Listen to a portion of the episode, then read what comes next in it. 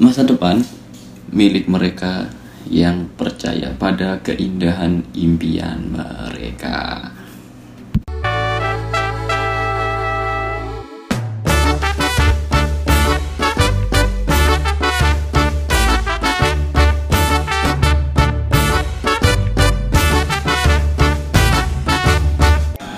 Balik lagi dengan ngobek, ngobrol backpacker. Masih dengan gue Adnan.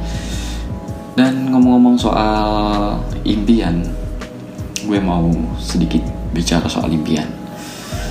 Yang sebenarnya ini emang rencana gue setiap tahunnya, terutama di bulan Juli nanti. Ini tinggal berapa hari lagi ya? Mungkin berapa? Eh, lima ya kali ya. Lima hari lagi masuk bulan Juli terus uh, gue ada rencana pengen uh, traveling lagi dengan cara backpacker tentunya. Karena pandemi ini mungkin gue sedikit menunda acara backpacker gue karena ya tidak memungkinkan lah kalau kita ketemu orang luar yang nggak tahu riwayat kesehatannya. Bukan bukan kita sujon dengan mereka tapi kita lebih waspada aja. Tapi tidak masalah buat gue karena ketundaan ini mungkin bisa ya di lain-lain waktu. Alasan gue melakukan backpacker ini emang udah jadi impian uh, sudah lama sih. Mungkin bisa jalan dari kecil karena gue suka nonton si bolang ya si bolang menginspirasi gue.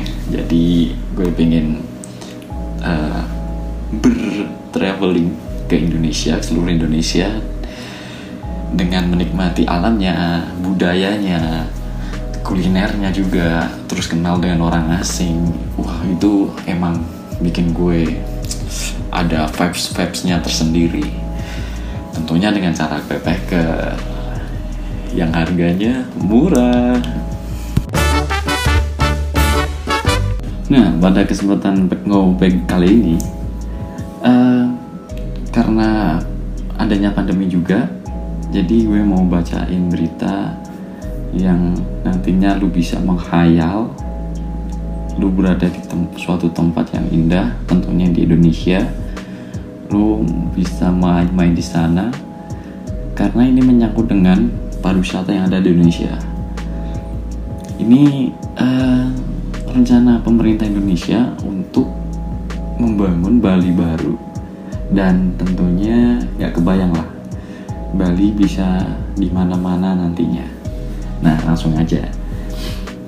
Uh, pemerintah ini mengeluarkan peraturan yang mengacu pada peraturan pemerintah nomor 50 tahun 2011 tentang rencana induk pembangunan kepariwisataan nasional. Ini digagas oleh Presiden Joko Widodo. Ada uh, Bali baru yang ditunjuk dari seluruh wilayah ada Indonesia yang dipilih hanya 10. Yang pertama nih, kira-kira tempat lu ada yang masuk nggak nih? Pasti ada lah. Yang pertama ada di Sumatera Utara, yaitu Danau Toba. Kemudian kedua Borobudur yang ada di Jawa Tengah. Kemudian ketiga, Mandalika yang ada di Lombok, Nusa Tenggara Barat. Kemudian yang gak kalah wownya, yang lagi rame-ramenya karena ada Pink Beach-nya, yaitu Labuan Bajo di Nusa Tenggara Barat juga. Kemudian Tanjung Kalayang yang ada di Bangka Belitung. Terus aduh ini kok ada lesungnya oh, Tanjung Lesung yang ada di Banten kemudian Kepulauan Seribu yang masuk ke wilayah DKI Jakarta. Terus yang selanjutnya nih uh, yang ada padang pasirnya nih yang ada di Jawa Timur. Apa coba pak? Yaps Bromo. Terus uh, kemudian yang terkenal dengan keindahan bawah lautnya Wakatobi di Sulawesi Tenggara dan yang terakhir di Morotai Maluku Utara nah nanti gue akan bahas berita ini dari satu persatu tempat yang akan dijadikan Bali baru yang ada di Indonesia. So, tunggu aja. Dari 10 wilayah yang ditunjuk pemerintah jadi Bali baru, hanya empat yang dipilih oleh pemerintah untuk diprioritaskan. Tapi bukan menutup kemungkinan wilayah-wilayah lain tidak dibangun, tetap dibangun, tetapi yang diprioritaskan lebih dahulu yaitu hanya empat. Jadi gue mau ke urutan yang pertama yaitu Danau Toba. Um, gue mengira sih Danau Toba sangat layak lah bila ditunjuk sebagai Bali baru karena emang prospek untuk kepariwisataannya emang bagus. Dan dilihat dari riwayatnya dari tahun berapa itu sejak gunung gunung api Toba itu meletus itu emang udah sangat menggemarkan dunia. Karena letusannya emang sangat dahsyat yang kemudian bisa membuat danau segede itu. Kemudian dari pemerintah Indonesia itu rencana ini mengajukan ke UNESCO untuk dijadikan geopark tapi ada tapinya nih pengajuan itu ada proses yang dijalani. Nah, proses yang dijalani selama ini sama pemerintah udah dicapai, tinggal nunggu pengumuman. Nah, pengumumannya di, bul uh, di bulan September tahun 2019 kemarin. Tapi gue juga belum dapat infonya lagi tentang pengumuman itu. Uh, tetap dan si UNESCO juga udah apa melihat prospek yang ada di sana udah ditinjau dan layak lah istilahnya buat dijadiin geopark dan sama pemerintah Indonesia ingin dibangun Bali baru. Nah, mungkin seperti itulah. Kalau belum tahu letaknya Danau Toba itu di Sumatera Utara. Nah, kalian bisa mengunjungi ke sana buat nikmatin Danau Toba yang kata banyak orang bukan hanya orang Indonesia saja tapi luar negeri. Dan peneliti-peneliti geologi mengatakan bahwa riwayat letusan gunung Toba itu sangat besar. Nggak kalah besarnya dengan letusan gunung Krakatau lanjut. Kemudian di di Borobudur tempatnya. Akhir-akhir ini emang menjadi sebuah perbincangan hangat mengenai Borobudur terutama gue yang bertempat tinggal di Magang sini yang ya dapat dapat cipratan info-info yang panas lah tentang pembangunan Borobudur ini. Sudah tidak menjadi info baru lagi bagi wisatawan-wisatawan baik di Indonesia maupun di luar negeri tentang Borobudur itu sendiri karena UNESCO sudah menetapkan bahwa Candi Borobudur itu menjadi warisan leluhur dunia. Jadi dari UNESCO UNESCO sudah mendukung itu berarti kan uh, brandingnya itu udah sampai ke luar negeri karena UNESCO itu udah organisasi yang besar gitu loh. Jadi tak heran bila prospek pariwisata yang dihasilkan dari Borobudur itu sangat besar. Kemudian pemerintah Indonesia juga uh, merespon itu dengan ditunjuknya Bali baru yang akan dibangun di Borobudur. Jadi nggak salah tuh kalau pemerintah bersama UNESCO uh, berkolaborasi dengan mengangkat Borobudur itu menjadi sebuah ikon yang ada di Indonesia, ikon besar yang ada di Indonesia karena bangunannya yang terkenal megah dan memiliki sejarah sejarah yang sangat kuat bagi bangsa Indonesia. Banyak sih yang sebenarnya uh, menjadi sejarah Indonesia, tetapi yang menjadi sebuah ikon di Indonesia menjadi brandingnya di Indonesia itu Candi Borobudurnya. Jadi jangan salahkan itu. Ya banyak orang yang mengartikan bahwa Candi Borobudur itu emang benar-benar suatu keajaiban dunia juga karena pernah menjadi masuk ke dalam 7 eh 10 atau 7 tuh kayaknya 7 ya 7 10 keajaiban yang ada di Indonesia di dunia kali. Pokoknya udah pernah masuk di situ. Saking wownya saking luar biasanya uh, orang-orang zaman dulu membangun Borobudur. Nah kemudian lanjut lagi ke Gunung Bromo. Sebenarnya apa sih yang ada di Gunung Bromo tuh? Kan sama tuh kayak gunung-gunung yang ada di yang ada di tempat lain. Terus apa nuansanya juga sama suhunya pasti sama sama-sama dingin. Tapi kenapa sih menjadi sebuah uh, pariwisata yang ingin ditunjukin ke dunia oleh pemerintah Indonesia? Kenapa sih? Ini bukan tanpa alasan karena melihat antusiasme wisatawan yang ada di Indonesia dan di dunia Gunung Bromo itu mempunyai spot-spot yang sangat bagus untuk menikmati sunrise dan sunset. Itu jarang banget ditemuin di gunung-gunung lain terutama memiliki lautan pasir yang luasnya 10 km persegi. Gak kebayang loh bangun rumah segede itu lu bisa masukin apa aja dari sana. Suaka terus satwa wah lu gila kalau punya tanah segede itu. Jadi di sana tuh emang populernya yang menjadi apa ikon yang ada di Bromo itu karena memiliki lautan pasir yang sangat luas dan tak heran jika per tahunnya itu memiliki pengunjung yang sangat banyak baik dari Indonesia maupun dari luar negeri. Sebenarnya sih uh, gunung itu masih aktif dan beberapa kali gue udah lihat di berita juga uh, mengeluarkan abu vulkanik tapi memang itu malah menjadi sebuah apa ya uh, pemburu fotografer untuk memotret peristiwa itu gitu loh.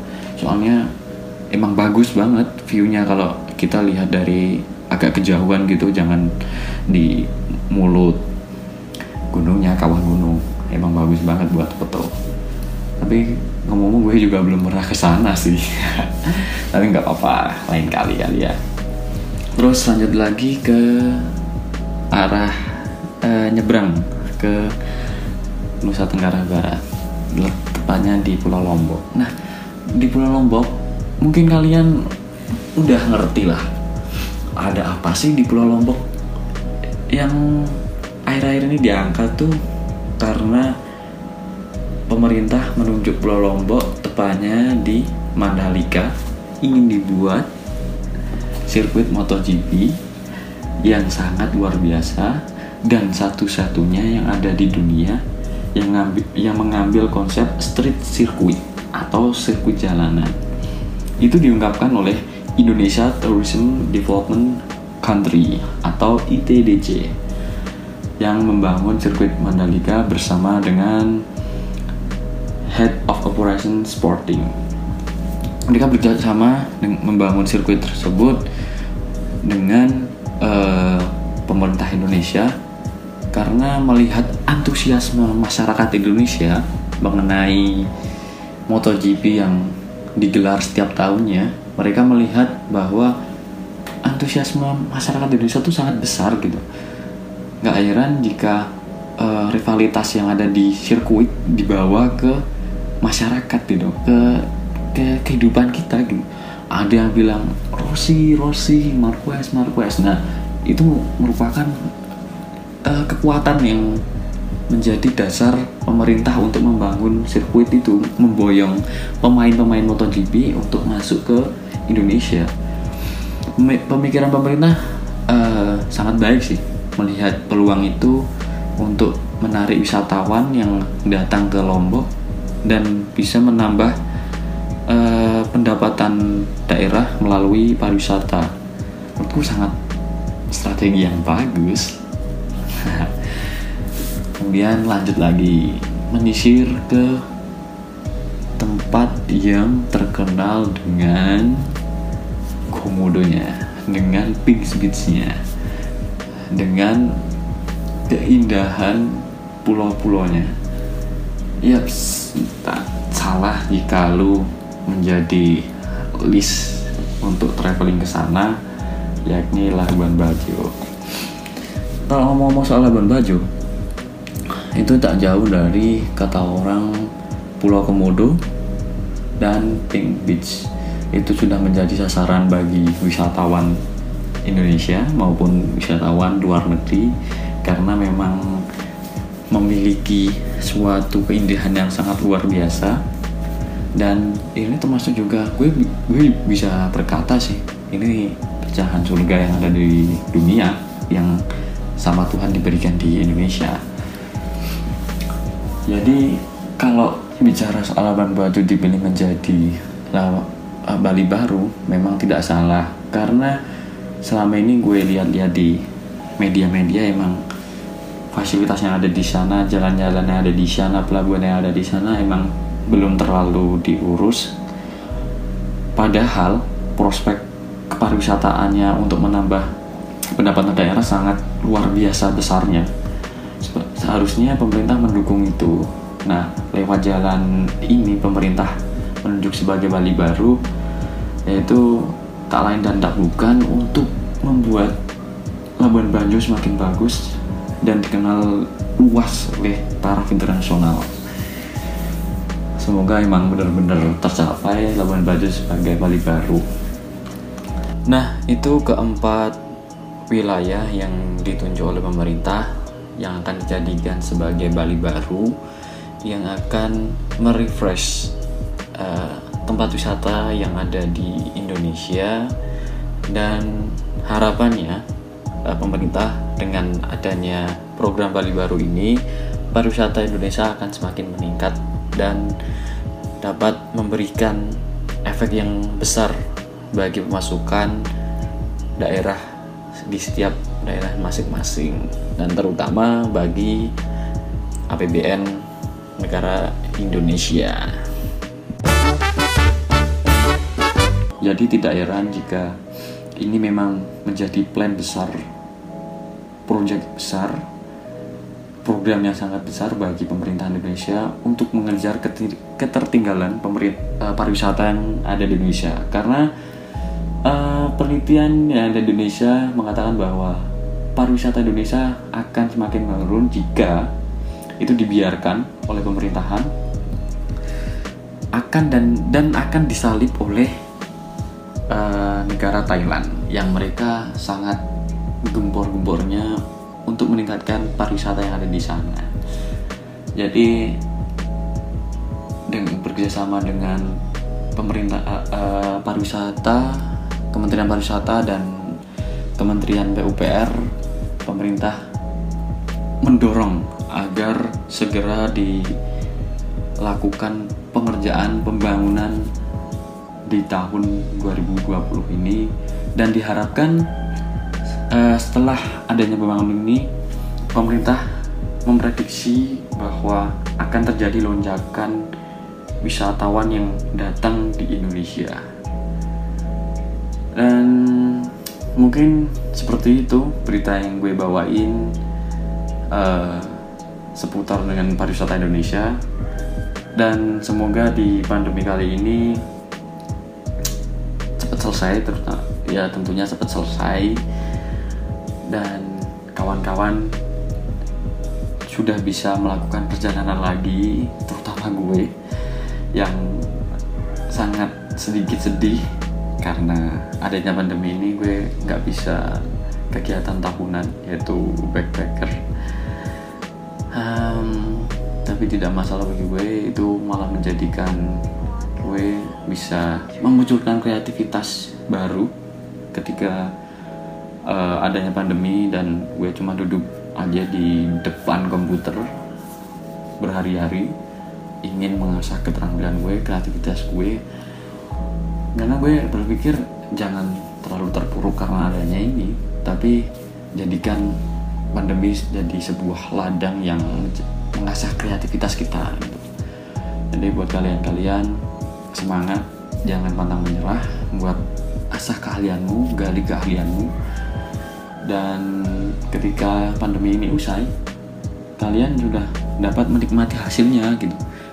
Menikmati hasil dari kreativitas yang anda miliki yang anda gali selama pandemi.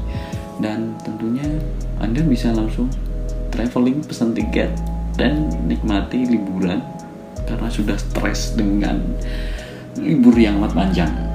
Oke terima kasih. Bye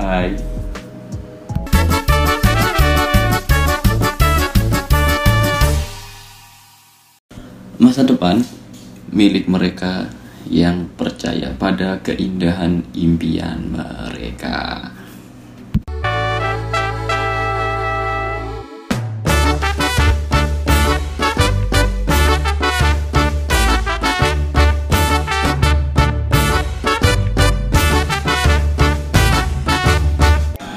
Balik lagi dengan ngobek, ngobrol backpacker. Masih dengan gue Adnan. Dan ngomong-ngomong soal impian, gue mau sedikit bicara soal impian. Yang sebenarnya ini emang rencana gue setiap tahunnya, terutama di bulan Juli nanti. Ini tinggal berapa hari lagi ya? Mungkin berapa? Eh, lima ya kali ya. Lima hari lagi masuk bulan Juli. Terus eh, gue ada rencana pengen uh, traveling lagi dengan cara backpacker tentunya. Karena pandemi ini mungkin gue sedikit menunda acara backpacker gue karena ya tidak memungkinkan lah kalau kita ketemu orang luar yang nggak tahu riwayat kesehatannya. Bukan bukan kita sujon dengan mereka tapi kita lebih waspada aja.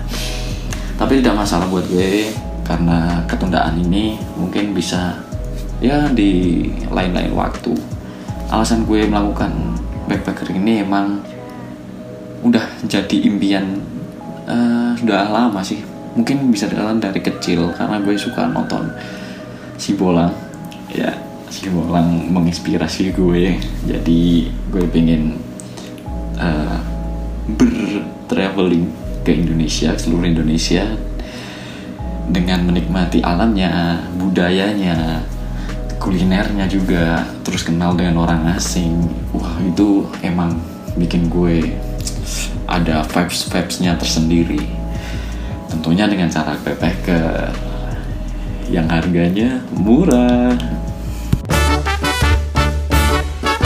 Nah, pada kesempatan ngobek kali ini, uh, karena adanya pandemi juga, jadi gue mau bacain berita yang nantinya lu bisa menghayal.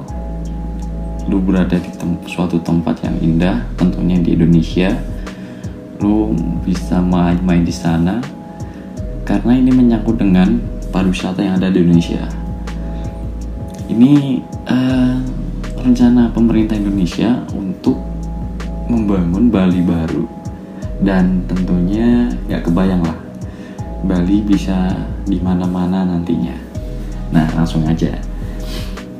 Uh, pemerintah ini mengeluarkan peraturan yang mengacu pada peraturan pemerintah nomor 50 tahun 2011 tentang rencana induk pembangunan kepariwisataan nasional. Ini digagas oleh Presiden Joko Widodo.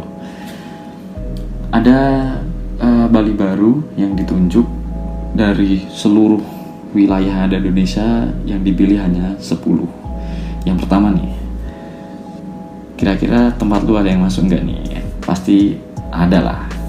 Yang pertama ada di Sumatera Utara yaitu Danau Toba. Kemudian kedua Borobudur yang ada di Jawa Tengah. Kemudian ketiga Mandalika yang ada di Lombok Nusa Tenggara Barat. Kemudian yang gak kalah wownya yang lagi rame-ramenya karena ada pink beachnya yaitu Labuan Bajo di Nusa Tenggara Barat juga. Kemudian Tanjung Kalayang yang ada di Bangka Belitung.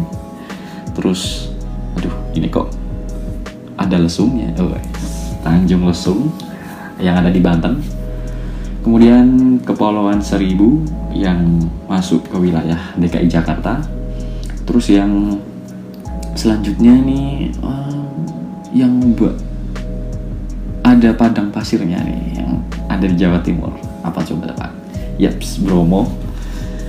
Terus uh, kemudian yang terkenal dengan keindahan bawah lautnya Wakatobi di Sulawesi Tenggara dan yang terakhir di Morotai Maluku Utara nah nanti gue akan bahas berita ini dari satu persatu tempat yang akan dijadikan Bali baru yang ada di Indonesia.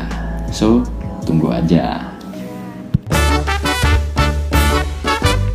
Dari 10 wilayah yang ditunjuk pemerintah jadi Bali baru, hanya empat yang dipilih oleh pemerintah untuk diprioritaskan. Tapi bukan menutup kemungkinan wilayah-wilayah lain tidak dibangun, tetap dibangun, tetapi yang diprioritaskan lebih dahulu yaitu hanya empat. Jadi gue mau ke urutan yang pertama yaitu Danau Toba. Um, gue mengira sih Danau Toba sangat layak lah bila ditunjuk sebagai Bali baru karena emang prospek untuk kepariwisataannya emang bagus. Dan dilihat dari riwayatnya dari tahun berapa itu sejak gunung gunung api Toba itu meletus itu emang udah sangat menggemarkan dunia. Karena letusannya emang sangat dahsyat yang kemudian bisa membuat danau segede itu. Kemudian dari pemerintah Indonesia itu rencana ini mengajukan ke UNESCO untuk dijadikan geopark. Tapi ada tapinya nih. Pengajuan itu ada proses yang dijalani. Nah, proses yang dijalani selama ini sama pemerintah udah dicapai, tinggal nunggu pengumuman. Nah, pengumumannya di bul uh, di bulan September tahun 2019 kemarin. Tapi gue juga belum dapat infonya lagi tentang pengumuman itu. Uh, tetap. Dan si UNESCO juga udah apa melihat prospek yang ada di sana udah ditinjau dan layak lah istilahnya buat dijadiin geopark dan sama pemerintah Indonesia ingin dibangun Bali baru. Nah, mungkin seperti itulah kalau belum tahu letaknya Danau Toba itu di Sumatera Utara. Nah, kalian bisa mengunjungi ke sana buat nikmatin Danau Toba yang kata banyak orang bukan hanya orang Indonesia saja tapi luar negeri dan peneliti-peneliti geologi mengatakan bahwa riwayat letusan Gunung Toba itu sangat besar. Gak kalah besarnya dengan letusan Gunung Krakatau lanjut. Kemudian di di Borobudur tempatnya.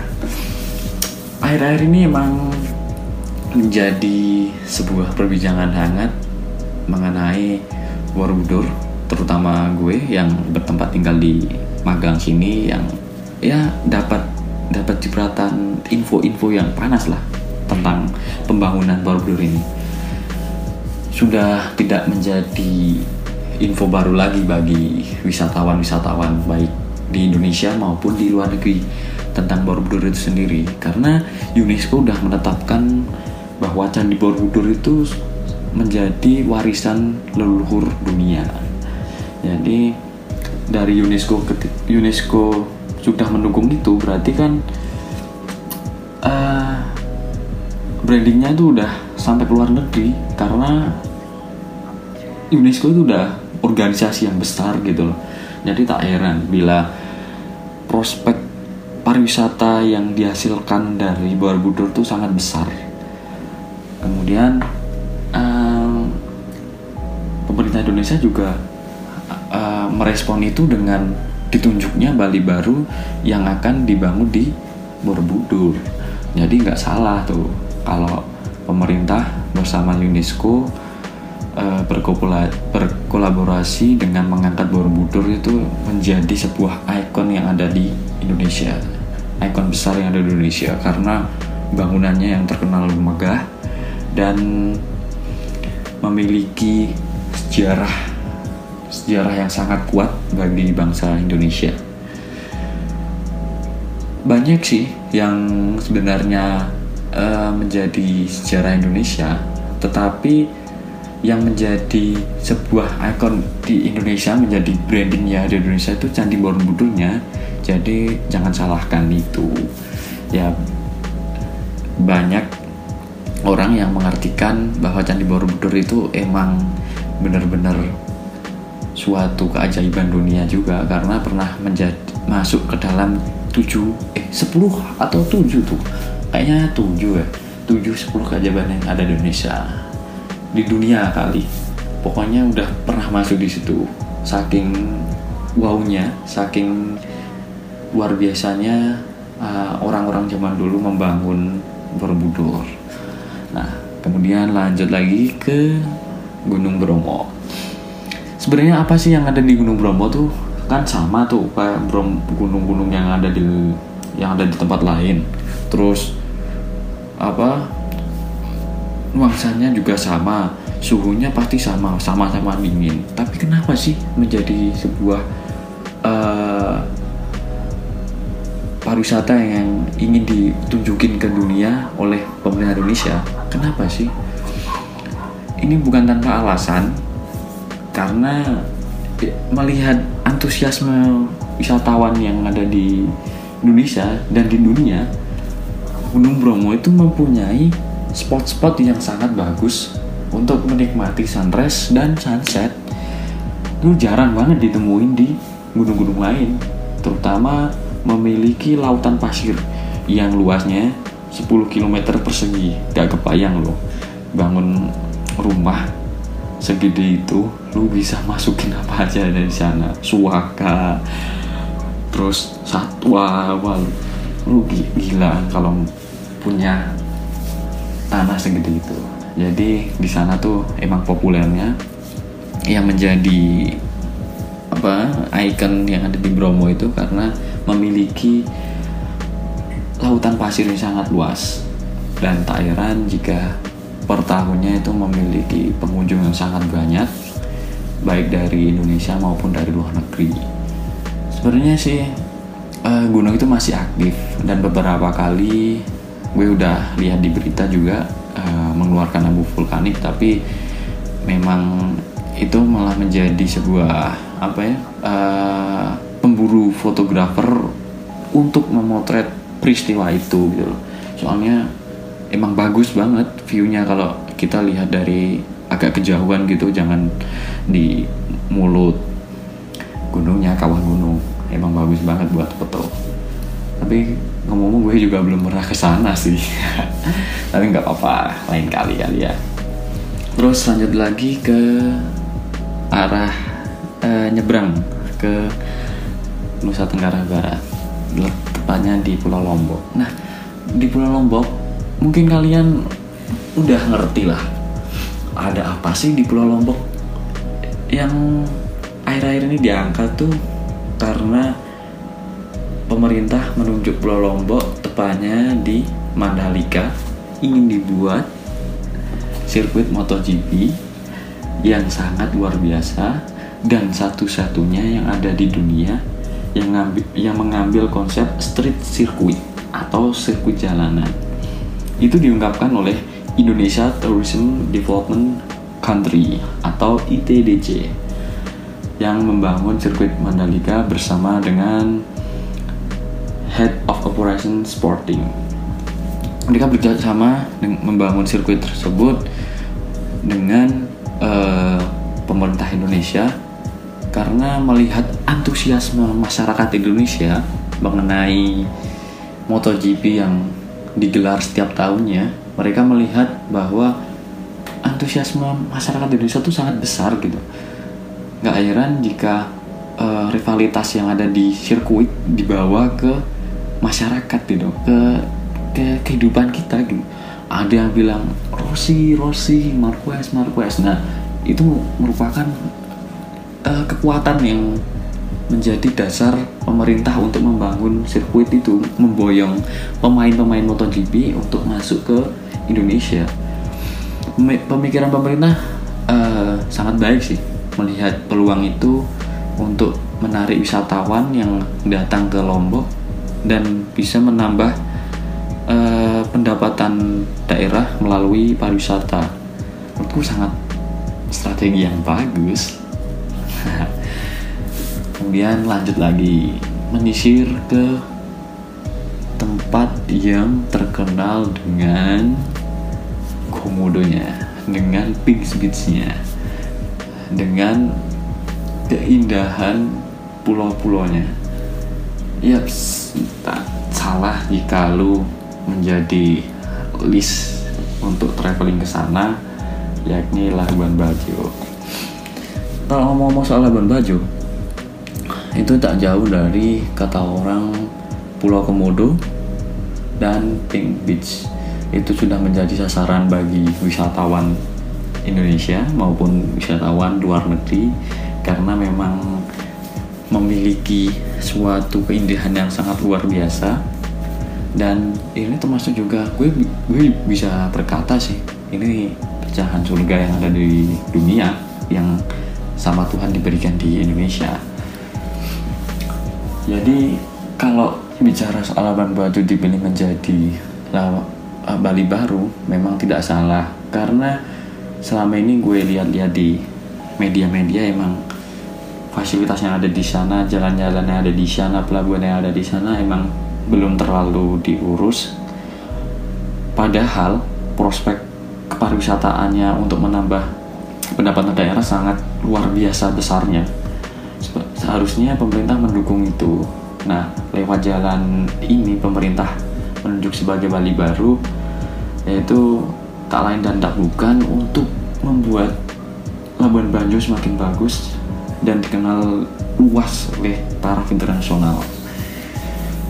Semoga emang benar-benar tercapai Labuan Bajo sebagai Bali baru. Nah, itu keempat wilayah yang ditunjuk oleh pemerintah yang akan dijadikan sebagai Bali baru yang akan merefresh uh, tempat wisata yang ada di Indonesia dan harapannya uh, pemerintah dengan adanya program Bali Baru ini, pariwisata Indonesia akan semakin meningkat dan dapat memberikan efek yang besar bagi pemasukan daerah di setiap daerah masing-masing dan terutama bagi APBN negara Indonesia. Jadi tidak heran jika ini memang menjadi plan besar proyek besar program yang sangat besar bagi pemerintah Indonesia untuk mengejar ketertinggalan pemerintah uh, pariwisata yang ada di Indonesia. Karena uh, penelitian yang ada di Indonesia mengatakan bahwa pariwisata Indonesia akan semakin menurun jika itu dibiarkan oleh pemerintahan akan dan dan akan disalip oleh uh, negara Thailand yang mereka sangat gempor-gembornya untuk meningkatkan pariwisata yang ada di sana. Jadi dengan bekerjasama dengan pemerintah uh, pariwisata, Kementerian Pariwisata dan Kementerian PUPR, pemerintah mendorong agar segera dilakukan pengerjaan pembangunan di tahun 2020 ini dan diharapkan uh, setelah adanya pembangunan ini pemerintah memprediksi bahwa akan terjadi lonjakan wisatawan yang datang di Indonesia. Dan mungkin seperti itu berita yang gue bawain uh, seputar dengan pariwisata Indonesia. Dan semoga di pandemi kali ini selesai terutama ya tentunya cepat selesai. Dan kawan-kawan sudah bisa melakukan perjalanan lagi terutama gue yang sangat sedikit sedih karena adanya pandemi ini gue nggak bisa kegiatan tahunan yaitu backpacker. Um, tapi tidak masalah bagi gue itu malah menjadikan gue bisa memunculkan kreativitas baru ketika uh, adanya pandemi dan gue cuma duduk aja di depan komputer berhari-hari ingin mengasah keterampilan gue kreativitas gue karena gue berpikir jangan terlalu terpuruk karena adanya ini tapi jadikan pandemi jadi sebuah ladang yang mengasah kreativitas kita gitu.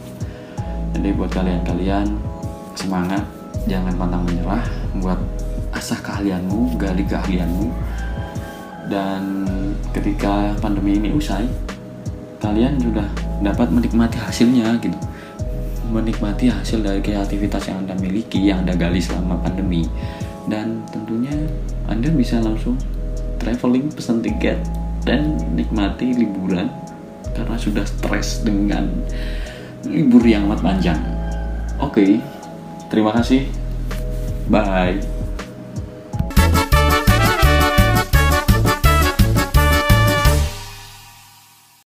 Masa depan milik mereka yang percaya pada keindahan impian mereka.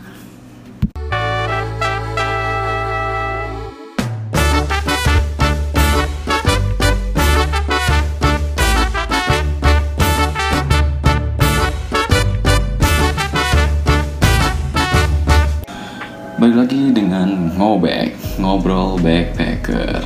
Masih dengan gue Adnan.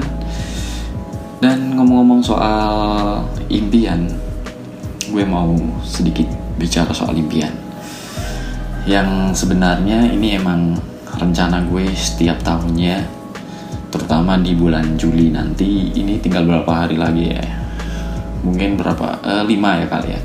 Lima hari lagi masuk bulan Juli terus uh, gue ada rencana pengen uh, traveling lagi dengan cara backpacker tentunya. Karena pandemi ini mungkin gue sedikit menunda acara backpacker gue karena ya tidak memungkinkan lah kalau kita ketemu orang luar yang nggak tahu riwayat kesehatannya. Bukan bukan kita sujon dengan mereka tapi kita lebih waspada aja. Tapi tidak masalah buat gue karena ketundaan ini mungkin bisa ya di lain-lain waktu. Alasan gue melakukan backpacker ini emang udah jadi impian uh, sudah lama sih. Mungkin bisa dikatakan dari kecil karena gue suka nonton si bolang ya si bolang menginspirasi gue. Jadi gue pengen uh, bertraveling ke Indonesia, seluruh Indonesia dengan menikmati alamnya, budayanya, kulinernya juga, terus kenal dengan orang asing. Wah, itu emang bikin gue ada vibes-vibesnya tersendiri. Tentunya dengan cara backpacker yang harganya murah. Nah, pada kesempatan ngobek kali ini, uh, karena adanya pandemi juga, jadi gue mau bacain berita yang nantinya lu bisa menghayal, lu berada di tem suatu tempat yang indah, tentunya di Indonesia, lu bisa main-main di sana, karena ini menyangkut dengan pariwisata yang ada di Indonesia. Ini uh, rencana pemerintah Indonesia untuk membangun Bali baru dan tentunya nggak kebayang lah Bali bisa di mana-mana nantinya. Nah langsung aja. Uh, pemerintah ini mengeluarkan peraturan yang mengacu pada peraturan pemerintah nomor 50 tahun 2011 tentang rencana induk pembangunan kepariwisataan nasional. Ini digagas oleh Presiden Joko Widodo. Ada uh, Bali baru yang ditunjuk dari seluruh wilayah ada Indonesia yang dipilih hanya 10. Yang pertama nih, kira-kira tempat lu ada yang masuk nggak nih? Pasti ada lah. Yang pertama ada di Sumatera Utara, yaitu Danau Toba. Kemudian kedua Borobudur yang ada di Jawa Tengah kemudian ketiga Mandalika yang ada di Lombok Nusa Tenggara Barat. Kemudian yang gak kalah wownya yang lagi rame-ramenya karena ada pink beachnya yaitu Labuan Bajo di Nusa Tenggara Barat juga. Kemudian Tanjung Kalayang yang ada di Bangka Belitung. Terus aduh ini kok ada lesungnya oh, Tanjung Lesung yang ada di Banten. Kemudian Kepulauan Seribu yang masuk ke wilayah DKI Jakarta. Terus yang selanjutnya nih um, yang ada padang pasirnya nih yang ada di Jawa Timur. Apa coba pak? Yaps Bromo. Terus uh, kemudian yang terkenal dengan keindahan bawah lautnya Wakatobi di Sulawesi Tenggara. Dan yang terakhir di Morotai Maluku Utara. Nah nanti gue akan bahas berita ini dari satu persatu tempat yang akan dijadikan Bali baru yang ada di Indonesia. So tunggu aja. Dari 10 wilayah yang ditunjuk pemerintah jadi Bali baru hanya empat yang dipilih oleh pemerintah untuk diprioritaskan. Tapi bukan menutup kemungkinan wilayah-wilayah lain tidak dibangun. Tetap dibangun tetapi yang diprioritaskan lebih dahulu yaitu hanya empat. Jadi gue mau ke urutan yang pertama yaitu Danau Toba. Um, gue mengira sih Danau Toba sangat layak lah bila ditunjuk sebagai Bali baru karena emang prospek untuk kepariwisataannya emang bagus. Dan dilihat dari riwayatnya dari tahun berapa itu? Sejak gunung gunung api Toba itu meletus itu emang udah sangat menggemarkan dunia karena letusannya emang sangat dahsyat yang kemudian bisa membuat danau segede itu. Kemudian dari pemerintah Indonesia itu rencana ini mengajukan ke UNESCO untuk dijadikan geopark. Tapi ada tapinya nih. Pengajuan itu ada proses yang dijalani. Nah, proses yang dijalani selama ini sama pemerintah udah dicapai, tinggal nunggu pengumuman. Nah, pengumumannya di bul uh, di bulan September tahun 2019 kemarin. Tapi gue juga belum dapat infonya lagi tentang pengumuman itu. Uh, tetap. Dan si UNESCO juga udah apa melihat prospek yang ada di sana udah ditinjau dan layak lah istilahnya buat dijadiin geopark dan sama pemerintah Indonesia ingin dibangun Bali baru. Nah, mungkin seperti itulah kalau belum tahu letaknya Danau Toba itu di Sumatera Utara. Nah, kalian bisa mengunjungi ke sana buat nikmatin Danau Toba yang kata banyak orang bukan hanya orang Indonesia saja tapi luar negeri. Dan peneliti-peneliti geologi mengatakan bahwa riwayat letusan Gunung Toba itu sangat besar. Nggak kalah besarnya dengan letusan Gunung Krakatau lanjut. Kemudian di di Borobudur tempatnya. Akhir-akhir ini emang menjadi sebuah perbincangan hangat mengenai Borobudur terutama gue yang bertempat tinggal di Magang sini yang ya dapat dapat cipratan info-info yang panas lah tentang pembangunan Borobudur ini. Sudah tidak menjadi info baru lagi bagi wisatawan-wisatawan baik di Indonesia maupun di luar negeri tentang Borobudur itu sendiri karena UNESCO sudah menetapkan bahwa Candi Borobudur itu menjadi warisan leluhur dunia. Jadi dari UNESCO UNESCO sudah mendukung itu berarti kan uh, brandingnya itu udah sampai ke luar negeri karena UNESCO itu udah organisasi yang besar gitu loh jadi tak heran bila prospek pariwisata yang dihasilkan dari Borobudur itu sangat besar. Kemudian um, pemerintah Indonesia juga uh, merespon itu dengan ditunjuknya Bali baru yang akan dibangun di Borobudur. Jadi nggak salah tuh kalau pemerintah bersama UNESCO uh, berkolaborasi dengan mengangkat Borobudur itu menjadi sebuah ikon yang ada di Indonesia ikon besar yang ada di Indonesia karena bangunannya yang terkenal megah dan memiliki sejarah sejarah yang sangat kuat bagi bangsa Indonesia. Banyak sih yang sebenarnya uh, menjadi sejarah Indonesia, tetapi yang menjadi sebuah ikon di Indonesia menjadi brandingnya di Indonesia itu Candi Borobudurnya. Jadi jangan salahkan itu.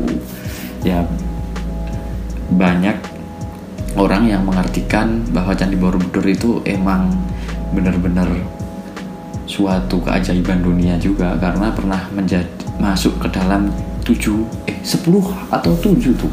Kayaknya tujuh ya. Tujuh sepuluh keajaiban yang ada di Indonesia di dunia kali pokoknya udah pernah masuk di situ saking wownya saking luar biasanya uh, orang-orang zaman dulu membangun Borobudur. Nah, kemudian lanjut lagi ke Gunung Bromo. Sebenarnya apa sih yang ada di Gunung Bromo tuh? Kan sama tuh kayak gunung-gunung yang ada di yang ada di tempat lain. Terus apa? Nuansanya juga sama, suhunya pasti sama, sama-sama dingin. Tapi kenapa sih menjadi sebuah uh, pariwisata yang ingin ditunjukin ke dunia oleh pemerintah Indonesia. Kenapa sih?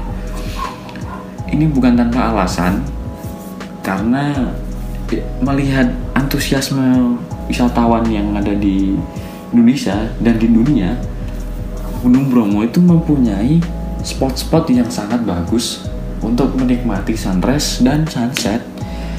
Itu jarang banget ditemuin di gunung-gunung lain, terutama memiliki lautan pasir yang luasnya 10 km persegi. Gak kebayang loh bangun rumah segede itu lu bisa masukin apa aja dari sana. Suaka terus satwa wah lu gila kalau punya tanah segede itu.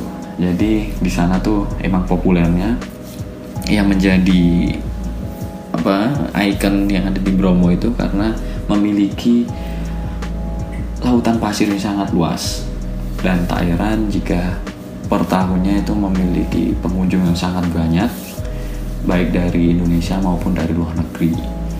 Sebenarnya sih uh, gunung itu masih aktif dan beberapa kali gue udah lihat di berita juga uh, mengeluarkan abu vulkanik tapi memang itu malah menjadi sebuah apa ya uh, pemburu fotografer untuk memotret peristiwa itu gitu loh.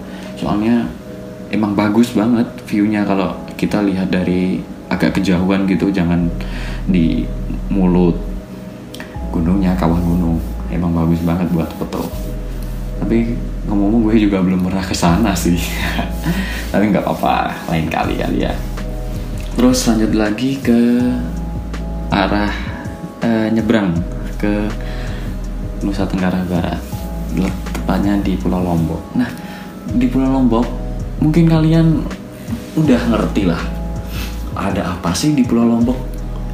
Yang air-air ini diangkat tuh karena pemerintah menunjuk Pulau Lombok tepatnya di Mandalika ingin dibuat sirkuit MotoGP yang sangat luar biasa dan satu-satunya yang ada di dunia yang, ngambil, yang mengambil konsep street circuit atau sirkuit jalanan.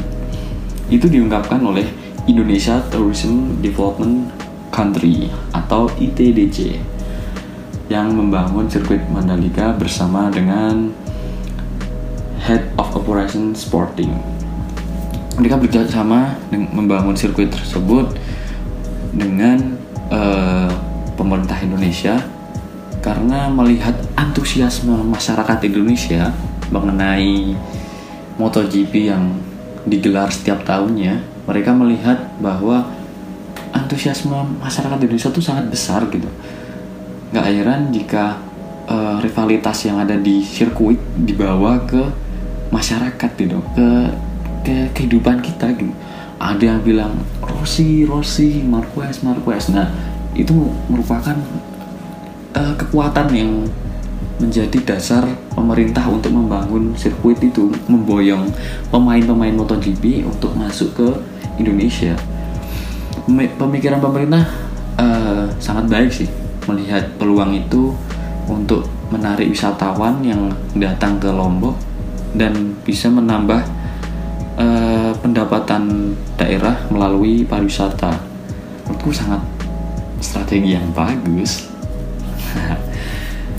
kemudian lanjut lagi menyisir ke tempat yang terkenal dengan komodonya dengan pink beachnya dengan keindahan pulau-pulaunya ya tak salah jika lu menjadi list untuk traveling ke sana yakni Labuan Bajo.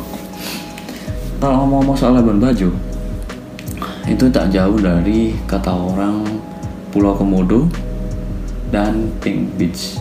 Itu sudah menjadi sasaran bagi wisatawan Indonesia maupun wisatawan luar negeri karena memang memiliki suatu keindahan yang sangat luar biasa. Dan ini termasuk juga gue gue bisa berkata sih ini pecahan surga yang ada di dunia yang sama Tuhan diberikan di Indonesia. Jadi kalau bicara soal Labuan Bajo dipilih menjadi uh, Bali baru memang tidak salah. Karena selama ini gue lihat-lihat di media-media emang fasilitas yang ada di sana, jalan-jalan yang ada di sana, pelabuhan yang ada di sana emang belum terlalu diurus. Padahal prospek kepariwisataannya untuk menambah pendapatan daerah sangat luar biasa besarnya. Seharusnya pemerintah mendukung itu. Nah lewat jalan ini pemerintah menunjuk sebagai Bali baru yaitu tak lain dan tak bukan untuk membuat Labuan Bajo semakin bagus dan dikenal luas oleh taraf internasional. Semoga emang benar-benar tercapai Labuan Bajo sebagai Bali baru. Nah, itu keempat wilayah yang ditunjuk oleh pemerintah yang akan dijadikan sebagai Bali baru yang akan merefresh uh, tempat wisata yang ada di Indonesia dan harapannya uh, pemerintah dengan adanya program Bali baru ini pariwisata Indonesia akan semakin meningkat dan dapat memberikan efek yang besar bagi pemasukan daerah di setiap daerah masing-masing dan terutama bagi APBN negara Indonesia. Jadi tidak heran jika ini memang menjadi plan besar, proyek besar, program yang sangat besar bagi pemerintah Indonesia untuk mengejar ketertinggalan pemerintah eh, pariwisata yang ada di Indonesia. Karena uh, penelitian yang ada di Indonesia mengatakan bahwa pariwisata Indonesia akan semakin menurun jika itu dibiarkan oleh pemerintahan akan dan dan akan disalip oleh uh, negara Thailand yang mereka sangat gempor-gembornya untuk meningkatkan pariwisata yang ada di sana. Jadi dengan bekerjasama dengan pemerintah uh, pariwisata, Kementerian Pariwisata dan Kementerian PUPR pemerintah mendorong agar segera dilakukan pengerjaan pembangunan di tahun 2020 ini dan diharapkan uh, setelah adanya pembangunan ini pemerintah memprediksi bahwa akan terjadi lonjakan wisatawan yang datang di Indonesia. Dan mungkin seperti itu berita yang gue bawain uh, seputar dengan pariwisata Indonesia. Dan semoga di pandemi kali ini cepat selesai terutama ya tentunya cepat selesai dan kawan-kawan sudah bisa melakukan perjalanan lagi terutama gue yang sangat sedikit sedih karena adanya pandemi ini gue nggak bisa kegiatan tahunan yaitu backpacker. Um, tapi tidak masalah bagi gue itu malah menjadikan gue bisa memunculkan kreativitas baru ketika uh, adanya pandemi dan gue cuma duduk aja di depan komputer berhari-hari ingin mengasah keterampilan gue kreativitas gue karena gue berpikir jangan terlalu terpuruk karena adanya ini tapi jadikan pandemi jadi sebuah ladang yang mengasah kreativitas kita gitu. jadi buat kalian-kalian semangat jangan pantang menyerah buat asah keahlianmu gali keahlianmu dan ketika pandemi ini usai kalian sudah dapat menikmati hasilnya gitu menikmati hasil dari kreativitas yang anda miliki yang anda gali selama pandemi dan tentunya anda bisa langsung traveling pesan tiket dan nikmati liburan karena sudah stres dengan libur yang amat panjang. Oke, okay, terima kasih. Bye.